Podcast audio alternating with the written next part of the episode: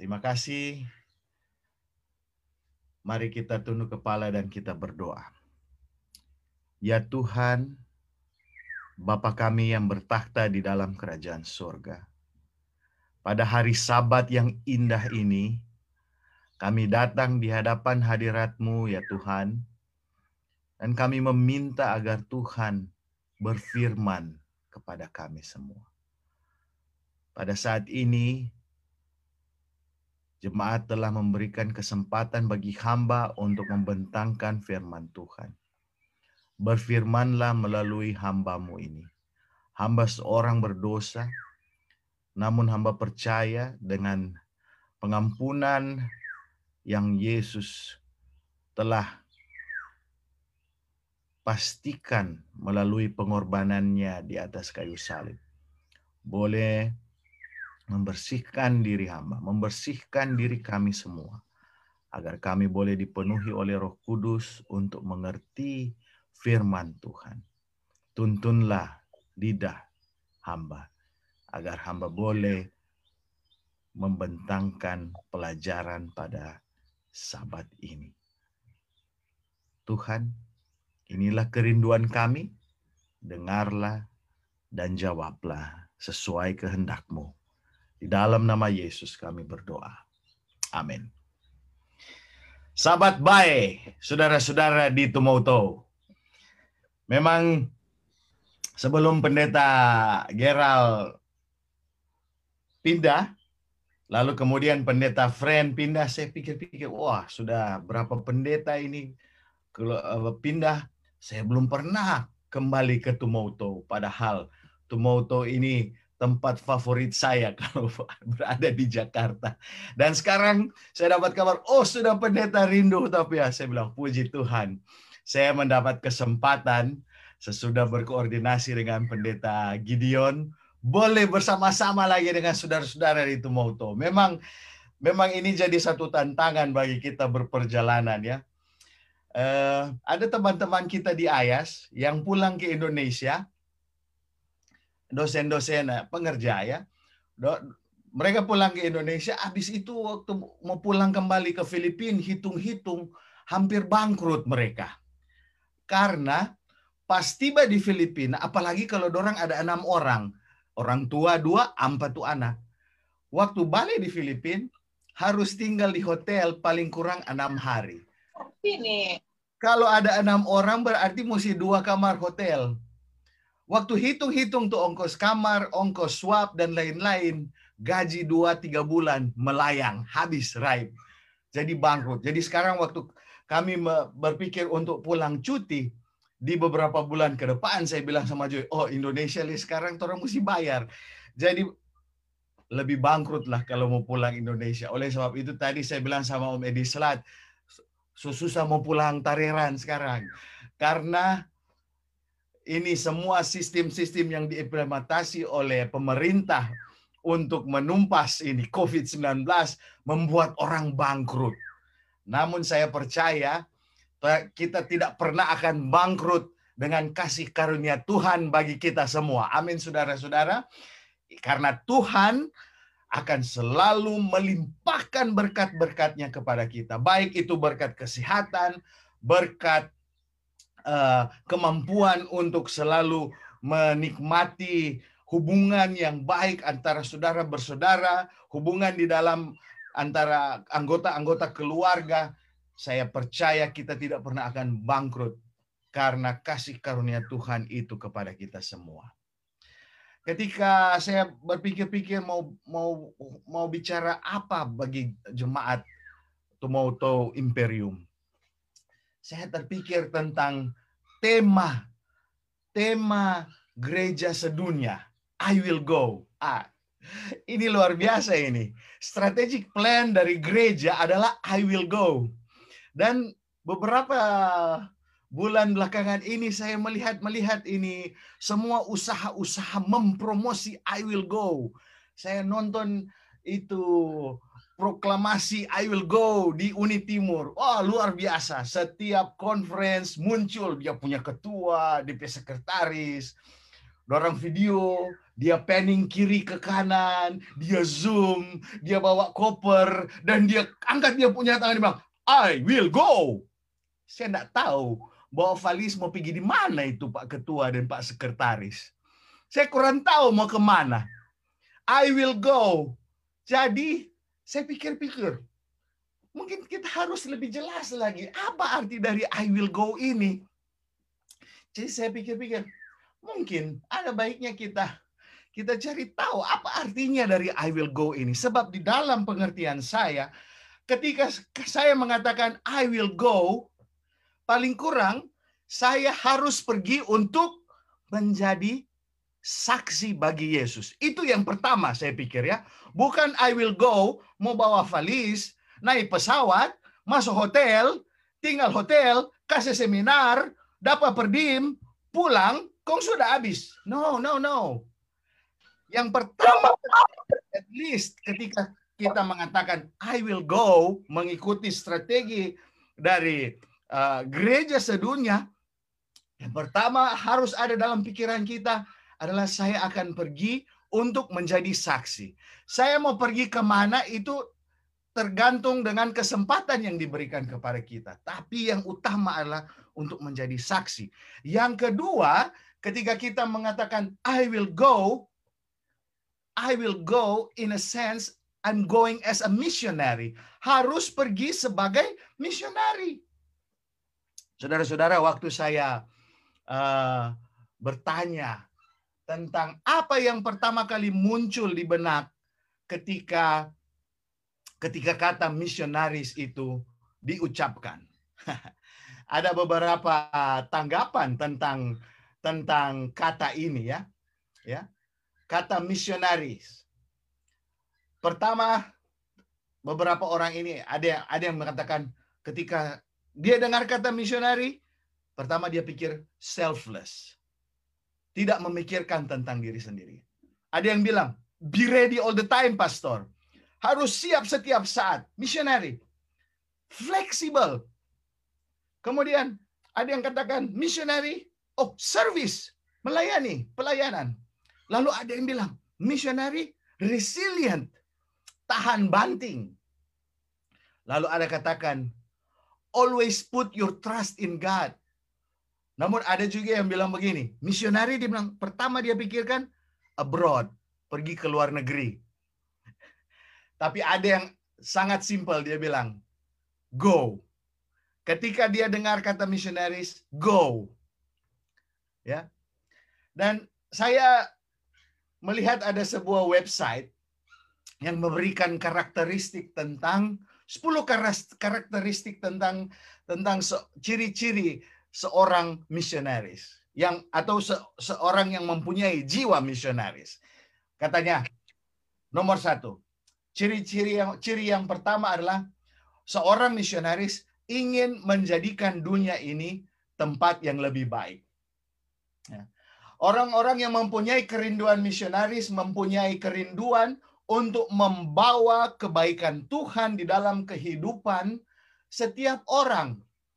Jadi dia mau melakukan itu untuk volunteer di dapur umum, untuk memasak, atau dia pergi untuk dengan eh, orang-orang untuk membedah rumah, membantu, untuk uh, memberikan bantuan secara moneter, dan lain-lain.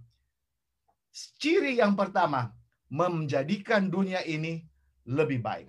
Ciri yang kedua adalah misionaris ingin menggunakan talenta dan kemampuan keahlian-keahlian mereka untuk Tuhan. Jadi itu tidak pusing apa profesi Anda sebenarnya. Kalau Anda mempunyai jiwa misionaris, apakah Anda seorang koki, seorang penulis, seorang musisi, seorang pengusaha, semua mempunyai kesempatan untuk mengkontribusikan talenta dan kemampuan keahlian untuk Tuhan. Yang ketiga ini menarik. Ciri yang ketiga, mereka akan makan apa saja. Mungkin bagi orang-orang Advent, boleh makan apa saja.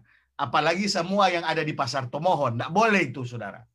Kita harus makan apa yang boleh dimakan Bahkan dengan apa yang boleh dimakan, seorang misionaris saya percaya harus selektif.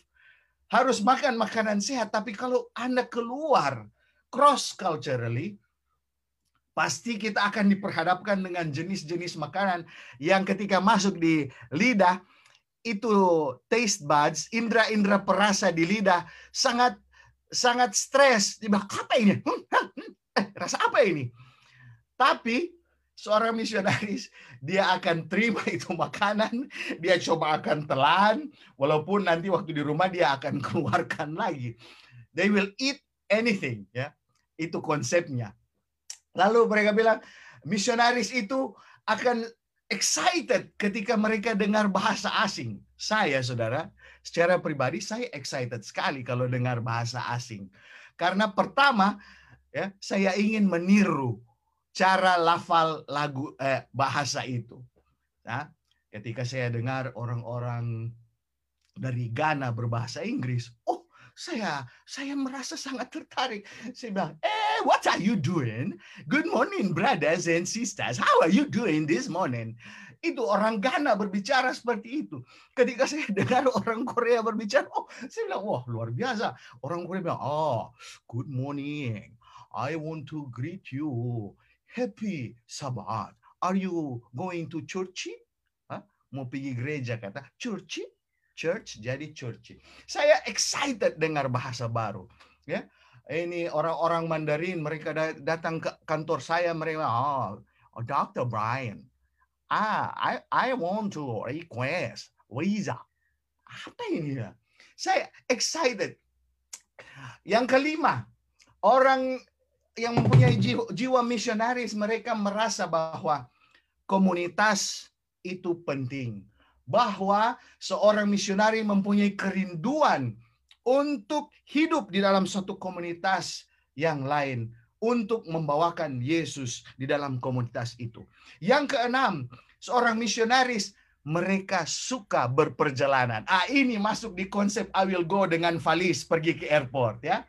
Tapi dalam konteks ini mereka suka berperjalanan karena mereka excited akan pergi ke tempat-tempat yang mereka belum pernah injakkan kaki mereka untuk berperjalanan 15 jam di atas kereta, mungkin naik kuda dua jam, atau jalan kaki berminggu-minggu. Yang penting, mereka pergi ke satu tujuan untuk membagikan Yesus. Mereka juga, mereka tidak mau menjadi putus asa ketika mereka tanya arah ke mana, bahasanya salah, tanggapannya salah. Dan yang ke 8, 9, 10 yang saya rasa paling penting. Seorang yang mempunyai jiwa misionaris mengerti bahwa kasih Allah telah merubah mereka. Ya. Ini sama dengan Pathfinder punya uh, filosofi. God's love constrained me. Ya, kasih Allah yang telah memaksa merubah hidup saya.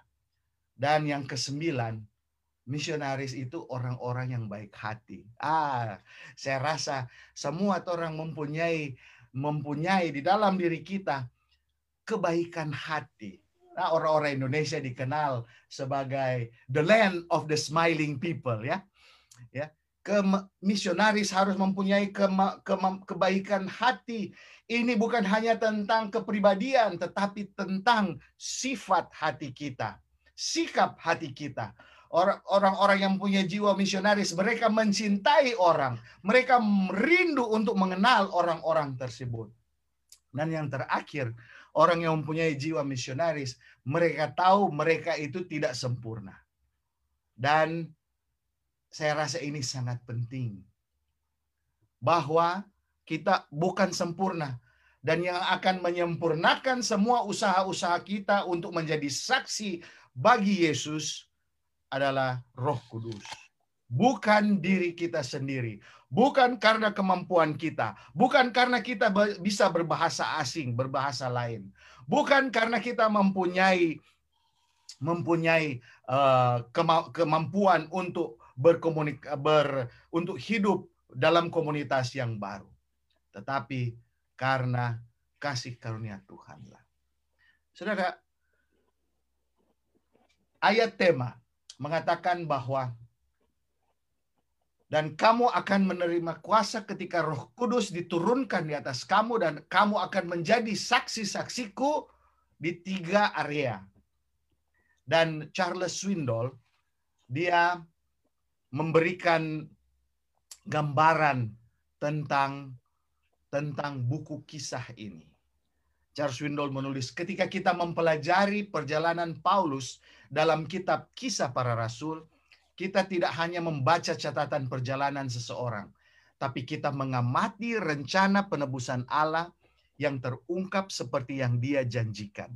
Dan melalui pelayanan Saulus dari Tarsus ini, misi Tuhan untuk merebut kembali ciptaannya dari cengkeraman maut, kejahat, dari cengkeraman kejahatan maut akan bergerak ke tahap berikutnya.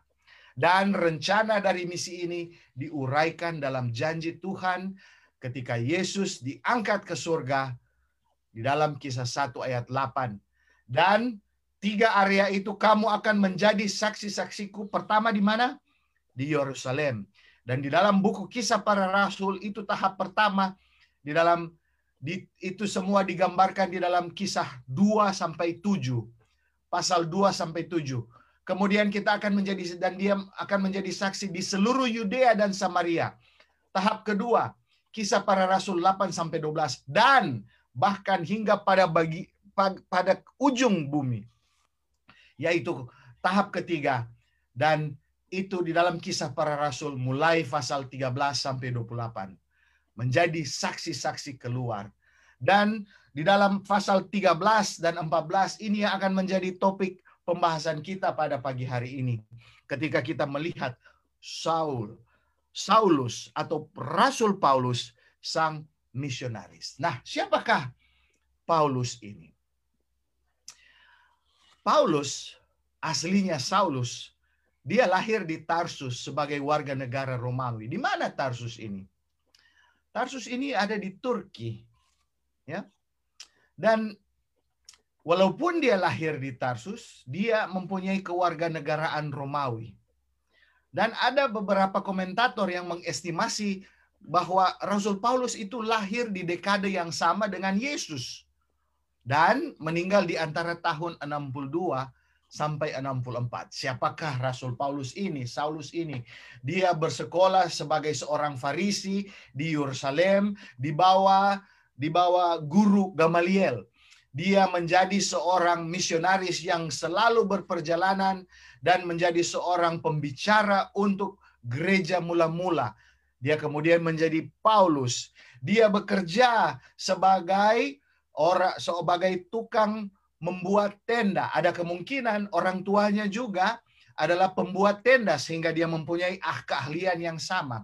Rasul Paulus ini dia di dia dilempar ke dalam penjara oleh oleh orang-orang Roma karena dia mempunyai eh, pekabaran rohani.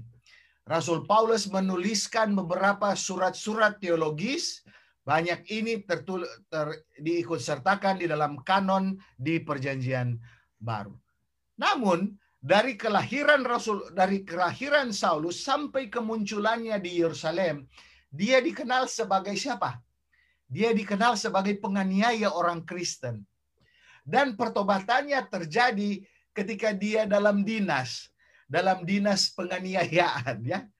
Ketika dalam perjalanan untuk pergi ke Damaskus, tengah hari buta dengan sekelompok pria yang akan membantu dia dalam penganiayaannya, tiba-tiba dia dikelilingi oleh cahaya yang sangat silau, lebih terang dari matahari, dan dia dengarkan Tuhan bertanya, "Kenapa engkau menganiaya aku?"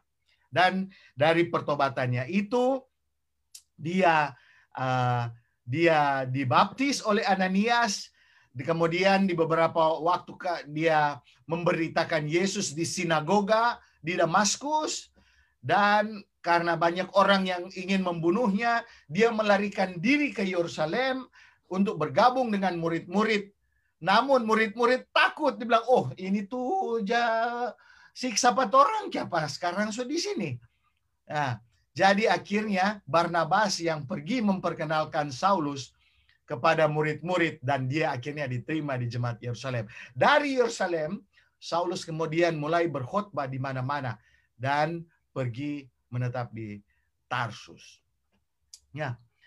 Apa keadaan psikologi dari Rasul Paulus? Dari tulisan-tulisannya kita bisa melihat bahwa Rasul Paulus ini mempunyai rasa percaya yang tinggi.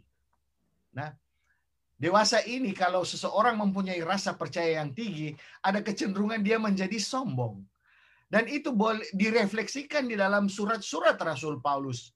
Misalnya dia menyatakan dirinya sebagai rasul, setara dengan murid-murid Yesus yang pertama, 2 Korintus 11 ayat 5. Padahal dia tidak dia tidak murid pertama. Kemudian dia mempunyai konsep tentang kerasulan yang bertumbuh dari keyakinannya bahwa Kristus telah bangkit dan telah memanggilnya untuk suatu misi tertentu. 1 Korintus 9 ayat 9. Dan dari panggilan ini, dia bersedia untuk menggunakan karismanya, kepemimpinannya untuk memimpin pemimpin-pemimpin gereja lain. Kemudian dia mengambil posisi yang berani. Lihat, kalau kita lihat uh, semua cerita-cerita atau kesaksian-kesaksian Rasul Paulus, dia itu pemberani, dia menegur orang, dia tidak takut. Dia seorang pemberani. Dia akan menegur bila perlu. Dan semangat Rasul Paulus untuk orang-orang Yahudi dan rasa tujuan dirinya berlanjut meskipun akhirnya bukan hanya untuk orang Yahudi, tetapi untuk orang-orang Yahudi itu berlanjut sepanjang hidupnya di dalam Kristus. Dan di dalam uh, kisah para rasul 13 ayat 14 kita akan melihat bagaimana Paulus ini dan memulaikan perjalanan misionarisnya yang pertama. Kisah para rasul 13 ini mungkin terjadi di saat menjelang musim semi tahun 46 AD. Dan kalau kita membaca dalam pasal 13 ini, ini suatu awal yang baru yang akan segera terjadi.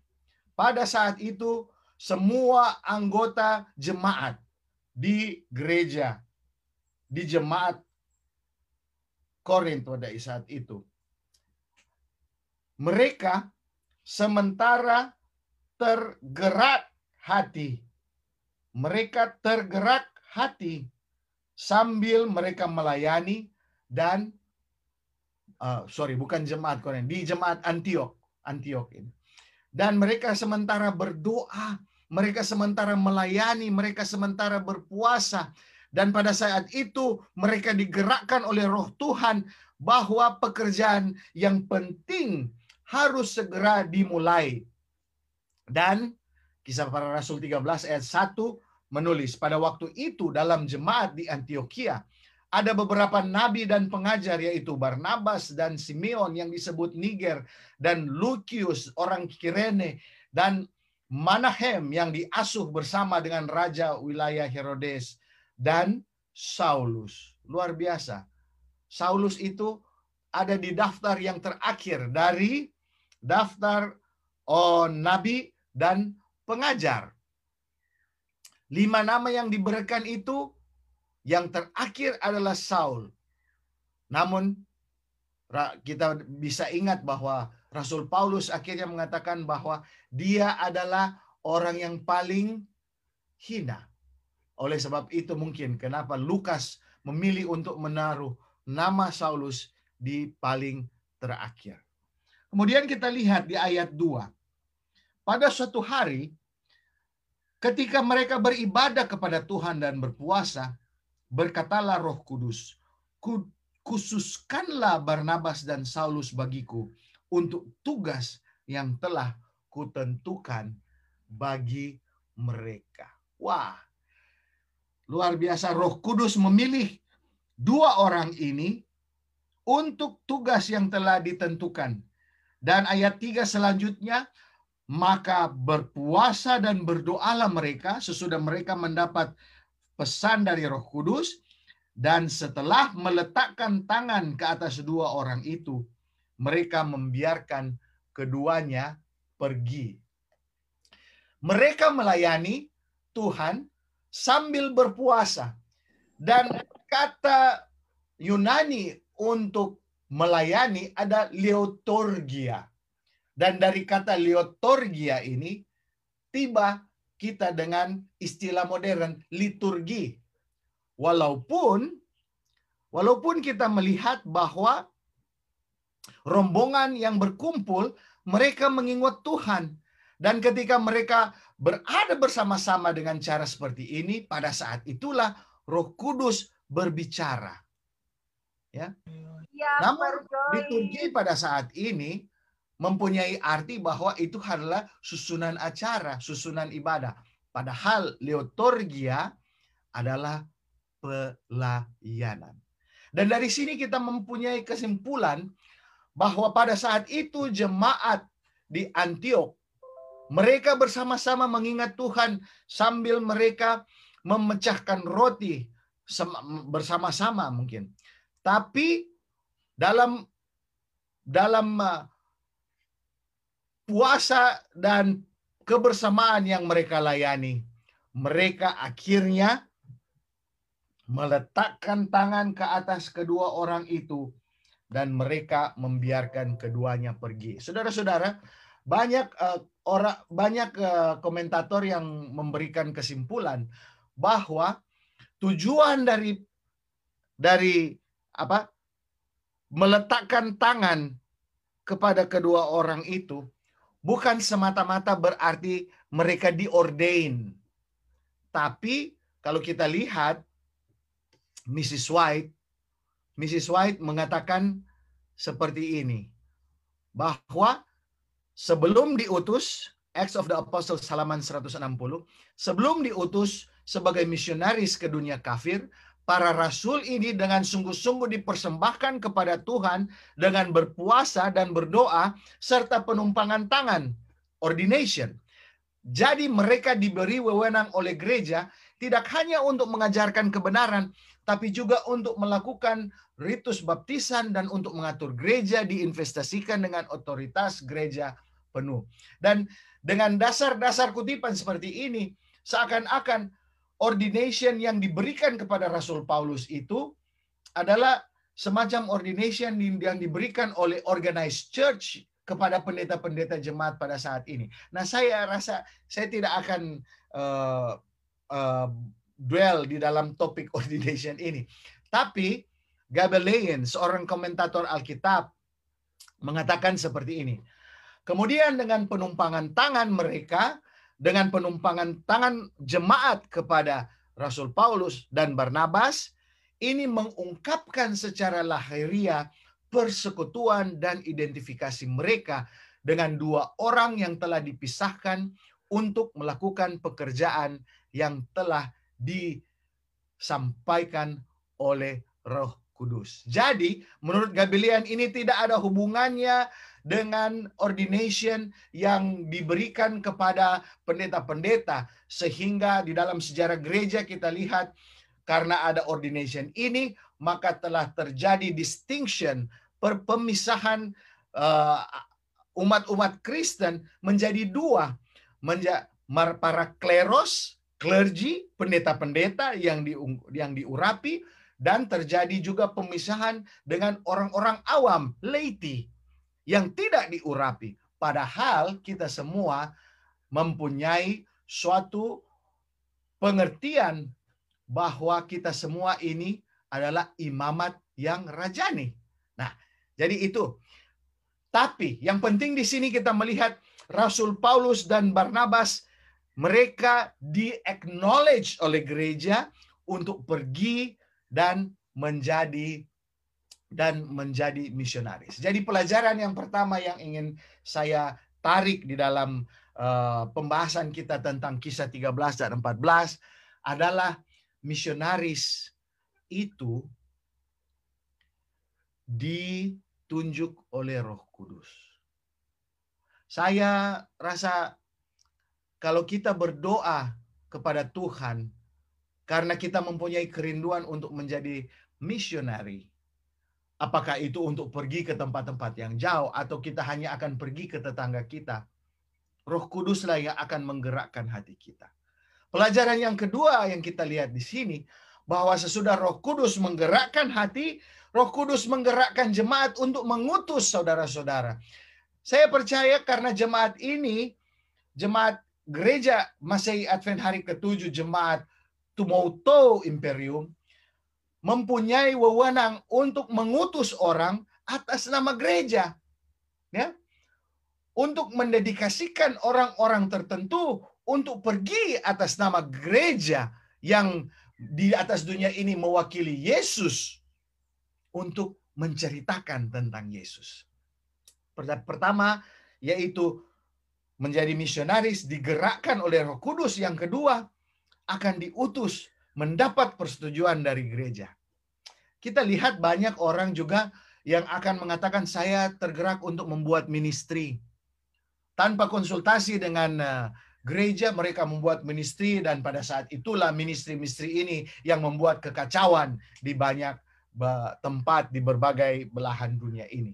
Ministry-ministry yang tidak berkonsultasi dengan gereja, tidak memiliki visi yang sama dengan gereja, sehingga ini membuat kekacauan di dalam gereja.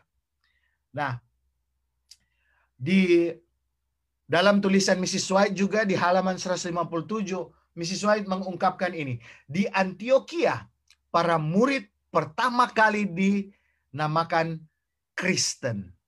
Nama itu diberikan kepada mereka karena Kristus adalah tema utama dari kesaksian mereka, pengajaran mereka, dan percakapan mereka. Tuhanlah yang memberi mereka nama Kristen. Ini adalah nama kerajaan diberikan kepada semua yang bergabung dengan Kristus. Luar biasa, saudara. Jadi seorang Kristen, sesuai dengan apa yang misi White katakan, ini adalah Kristus adalah tema utama dari khotbah-khotbah mereka, ajaran-ajaran mereka, dan percakapan mereka. Berarti kalau kita sudah deviate dari Kristus di dalam khotbah, percakapan, ajaran, berarti kita sudah keluar dari definisi seorang Kristen. Saya boleh katakan saya saya juga kadang-kadang jatuh di dalam hal ini. Ya. Kadang-kadang kita di ayas ini kalau hari Sabat potluck, oh biar pandemi orang aja potluck. Biar cuma tiga empat keluarga. Karena tuh peraturan sini ini boleh dari 10 orang jadi boleh potluck. Kadang-kadang saya pikir kalau orang coba potluck lain kali orang punya uh, percakapan arah percakapan sudah bukan tentang Yesus tapi sudah bercerita tentang oh ada dengar itu om di sana oh itu dia ada begitu. Jadi Salah ini. Jadi kadang-kadang saya mesti, mesti pukul ini. Ini bibir nakal ini. Bibir nakal. Bercerita bukan tentang Kristus. Padahal kita sebagai orang Kristen harus menjadi seperti dalam mempunyai tema Kristus dalam segala aspek. Nah, jadi sesudah mereka diutus, mereka pergi ke mana? Dan mulai dari ayat uh, 4 dan selanjutnya, kita lihat perjalanan mereka. Saya ingin memberikan uh, uh, gambaran sedikit tentang perjalanan. Saya tidak akan ayat per ayat. Tapi mereka pergi ke mana?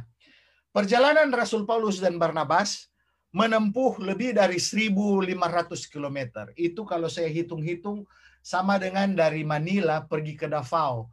Nah itu sama dengan kalau dari Manado terbang ke Davao dia punya jarak. Jadi kalau Rasul Paulus dan uh, uh, kalau kita mulai mau pergi ke perjalanan misionaris kita boleh naik pesawat, naik mobil, naik kereta, maka pada saat itu mereka bepergian dengan kapal laut, unta, kuda, dan berjalan kaki selama bertahun-tahun sampai mereka tiba di tempat-tempat berikut ini. Ya.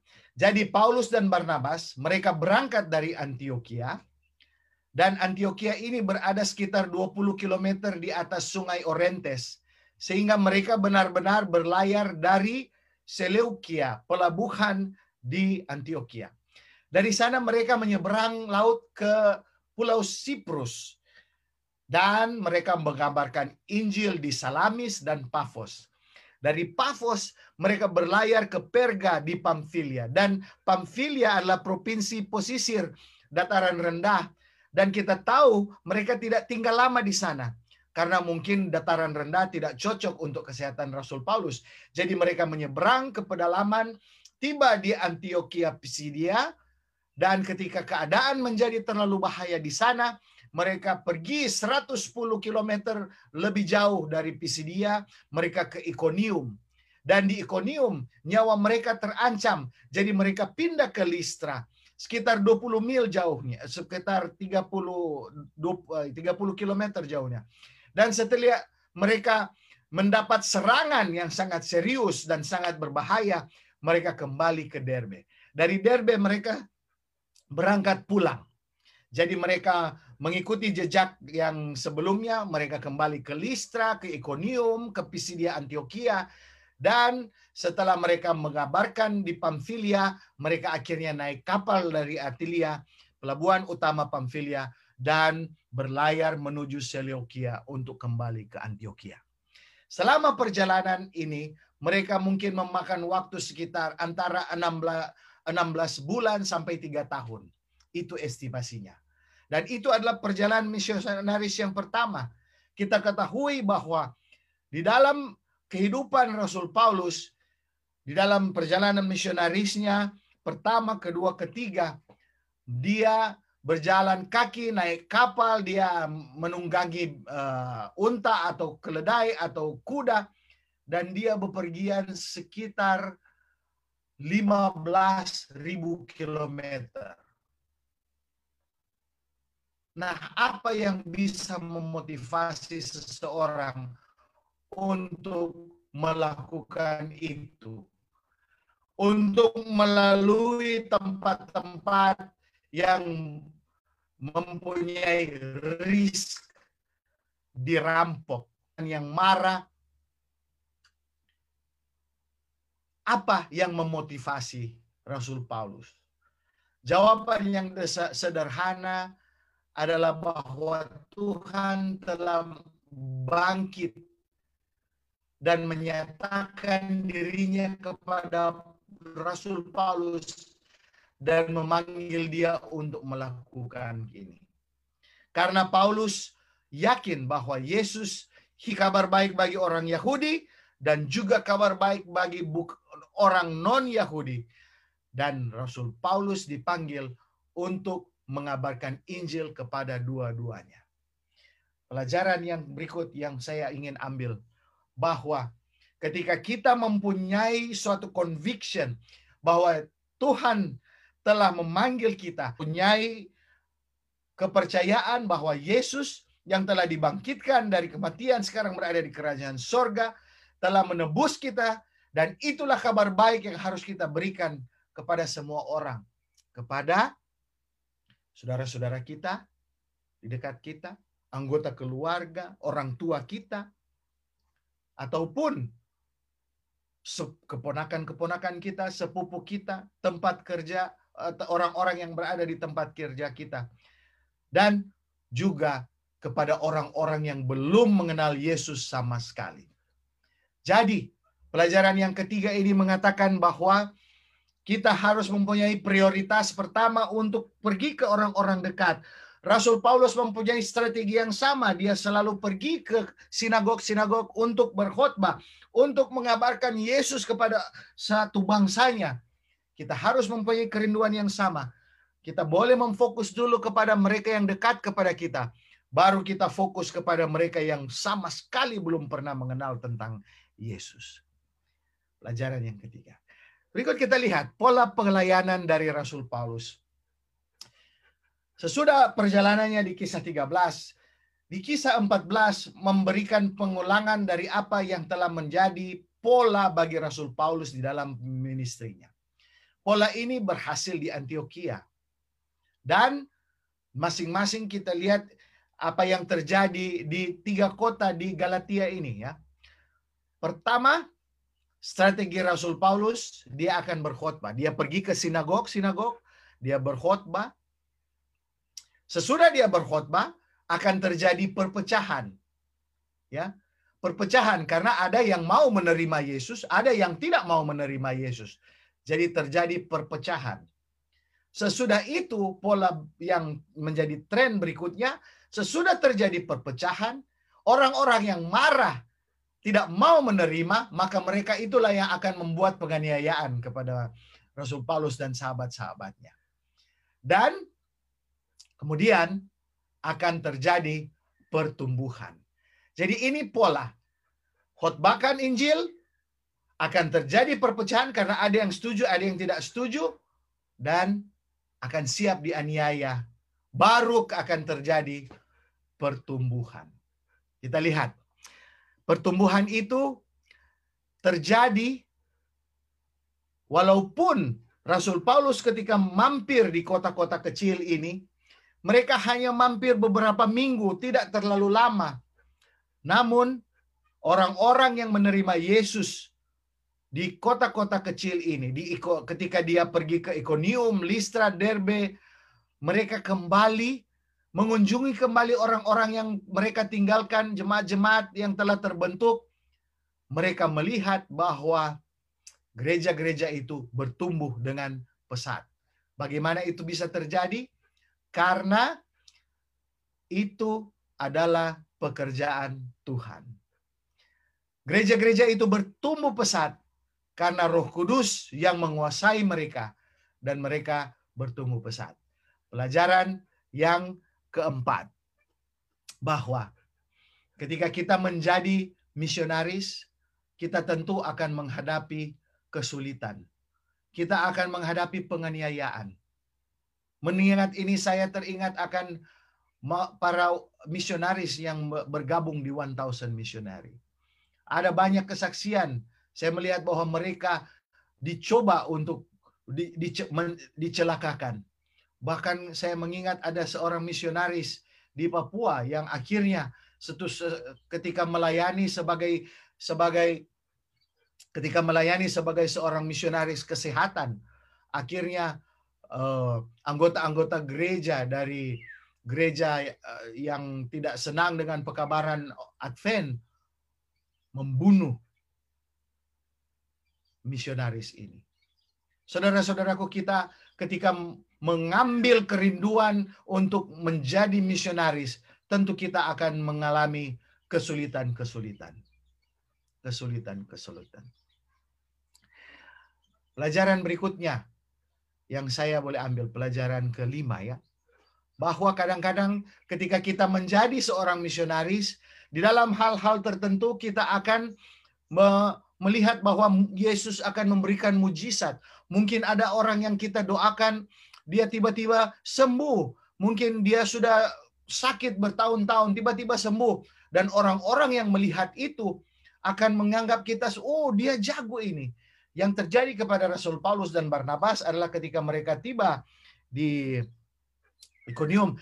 Nah, ada sementara Paulus berkhotbah, ada seorang yang lumpuh yang menerima yang menerima pekabaran itu dan Saulus eh, Rasul Paulus mendoakan dia dan dia sembuh. Dia mulai berjalan. Orang-orang heran. Orang-orang menganggap Rasul Paulus dan Barnabas adalah Zeus dan Hermes dan mereka membawa lembu untuk dipersembahkan kepada Paulus dan Barnabas. Dan Rasul Paulus pikir oh ini rupanya ada festival jadi jadi ada lembu yang dibawa ada iring-iringan. Ternyata itu lembu untuk mereka karena mereka dianggap sebagai dewa. Dan Rasul Paulus bilang tidak tidak boleh. Dan akhirnya mereka marah. Nah kadang-kadang ketika kita menjadi misionaris pelajaran ini mengatakan kita akan diperlakukan sebagai orang hebat kita jangan jangan jatuh di dalam di dalam perangkap tersebut. Kadang-kadang saya sebagai seorang pendeta pun saya berkhotbah, wah, banyak orang tergerak dengan dengan firman Tuhan. Dan mereka datang ke ketika pegang tangan mereka ada yang sambil meruraikan air mata, Tuhan. Saya pikir kenapa dia menangis? Mereka bilang, pendeta, saya sangat tergerak ada yang bilang, oh pendeta, hebat sekali itu khotbah. Tapi itu bukan ukuran sukses bagi seorang pendeta. Bagi saudara-saudara yang membuat pelayanan, orang akan mungkin diliput oleh koran atau apa, itu bukan tolok ukur kesuksesan. Tetapi kesuksesan adalah ketika kita mengembalikan semua itu kepada Tuhan.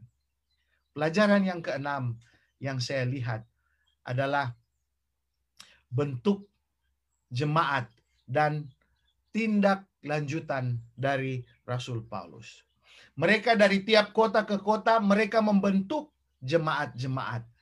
Dan di akhir pasal ke-14, kita temukan Paulus dan Barnabas menelusuri kembali langkah-langkah mereka, kembali ke kota-kota, di tempat-tempat yang mereka telah dianiaya dan telah diusir. Mereka pergi ke kota-kota itu walaupun ada risiko untuk menguatkan kembali anggota-anggota jemaat yang telah mereka tinggalkan. Apa yang mereka lakukan? Mereka memberikan semangat kepada anggota-anggota itu. Karena mungkin orang-orang itu berada di komunitas kafir yang bermusuhan dengan orang-orang lain yang yang tidak mau mengenal Yesus. Jadi mereka berikan semangat. Mereka kemudian mengajar, memberikan seminar-seminar, memberikan tips bagaimana untuk menjadi orang Kristen yang sejati. Dan mereka mengorganisasikan gereja-gereja itu dan mereka tentu mendoakan anggota-anggota jemaat di situ. Saudara-saudaraku, yang ter, uh, kedua terakhir pelajaran yang ingin saya tarik dari dari pelajaran uh, dari perjalanan misionaris Rasul Paulus ini bahwa mereka ber mereka menyaksikan Yesus Kristus dan mengkhotbahkan tentang keselamatan yang Yesus berikan kepada mereka. Di dalam kisah 13 ya. Dalam kisah 13 ayat uh, di bagian ketika ketika mulai di pasal 3 uh, ayat 13 ketika dia tiba di Antioquia di Pisidia dia pergi dan dia mulai berkhotbah di sinagog. Di dalam khotbah itu dia memberikan gambaran ringkas tentang sejarah Israel, kemudian dia mempindah dari Israel kepada Yesus dan dia jelaskan bagaimana Yesus adalah penggenapan dari segala sesuatu yang Tuhan lakukan melalui Israel, lalu dia pindah kepada peristiwa kematian dan kebangkitan Kristus dan bagaimana sekarang bahwa orang-orang non-Yahudi pun telah diundang di dalam ring, di dalam komunitas ke orang-orang yang bisa yang akan diselamatkan. Dan Injil Yesus Kristus adalah pertama untuk orang Yahudi namun juga bukan hanya untuk mereka saja tetapi kepada orang non-Yahudi. Dan di dalam khotbah ini Rasul Paulus memberikan teladan ke sepanjang masa dalam penyampaian Injil kepada orang lain. Bahwa kita harus membuat hubungan-hubungan dengan orang, membentuk hubungan-hubungan dengan orang. Lalu Paulus menghubungkan orang-orang Yahudi ketika dia mengingat sejarah mengingatkan sejarah mereka dan dia menceritakan kisah dasar tentang Yesus, kematian dan kebangkitannya dan kita harus memberikan bukti-bukti Alkitabiah untuk mendukung semua itu. Dan akhirnya orang-orang akan mengenal Yesus melalui khotbah-khotbah yang berdasarkan Yesus. Saudara, saya mau lanjutkan lagi tentang khotbah-khotbah tadi. Ada orang yang bilang, oh pendeta ini khotbah luar biasa. Oh pendeta ini kena buat saya. Pendeta, ini suatu kebenaran yang sangat indah.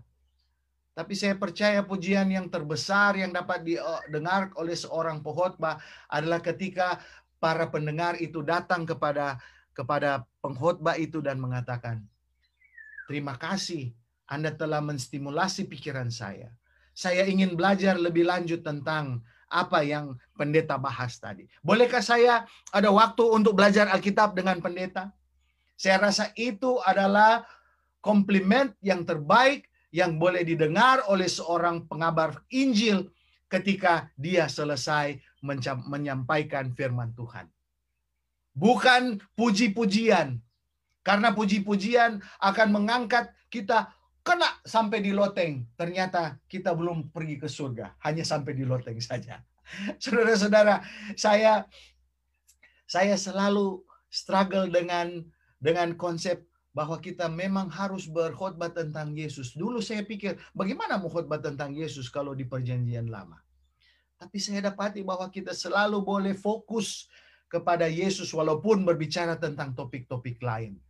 Jangan fokus kepada yang lain-lain. Jangan fokus kepada diri kita.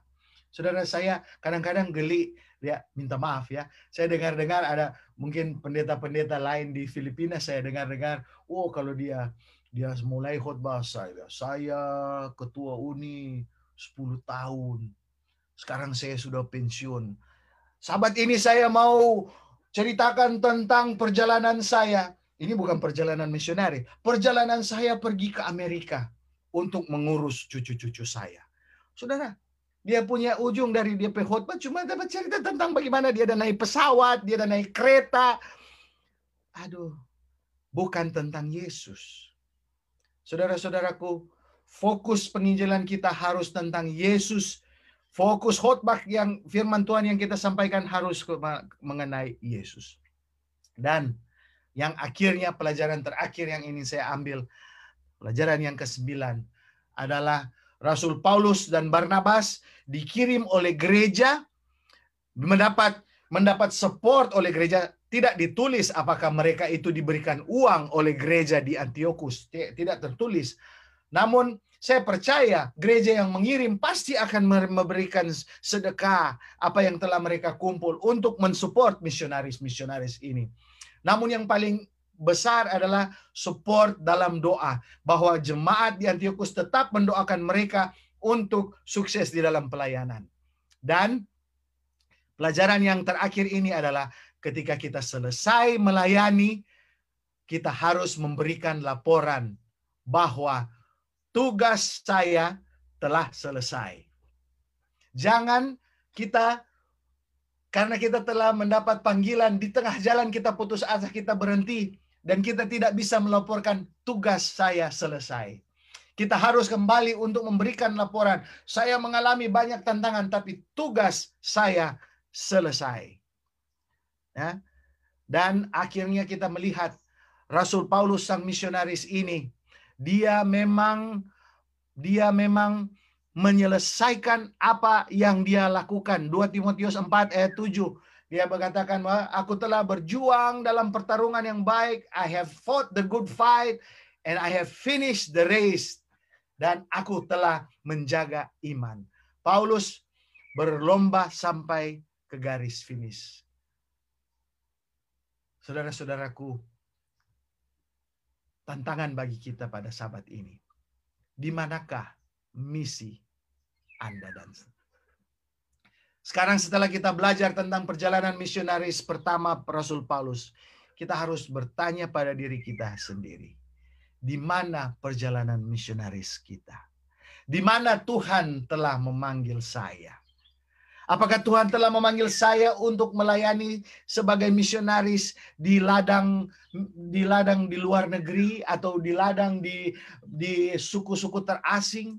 Apakah Tuhan telah memanggil saya untuk melangkah keluar dengan iman untuk pergi ke suatu tempat yang baru, yang asing?